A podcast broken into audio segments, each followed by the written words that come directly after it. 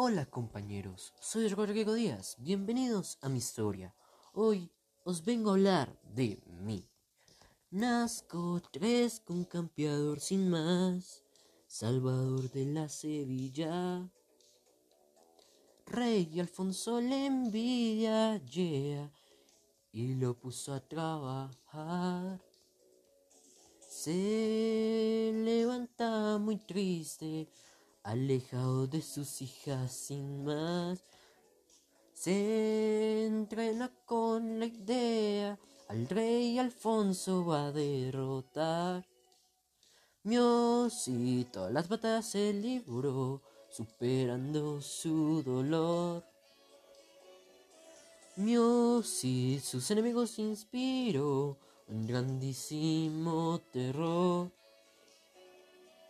El ángel Gabriel visitó, repartió empeño y perdón. Él se va a Toledo, yeah, donde toma nuevos terrenos sin control. Él ganó la espada y a todos repartió un gran botín. El pinar de Teba no hay nadie que sepa de él. Mío, si tener terreno no es razón de ser un salvador. Mío, si a sus hijos enseñó y con ellos conspiró.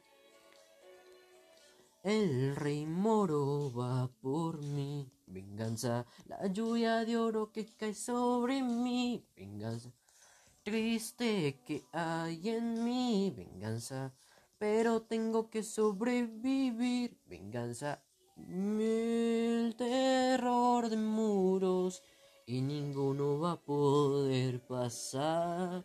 Y sufrí estuvo, sus hijas se van a casar. Si regresó con su mujer, hemos vuelto con gran honor. Miosit sigue la invasión y esta fue la historia del campeón. Miosit, la la la la la la, la la la la la la la. Miosit.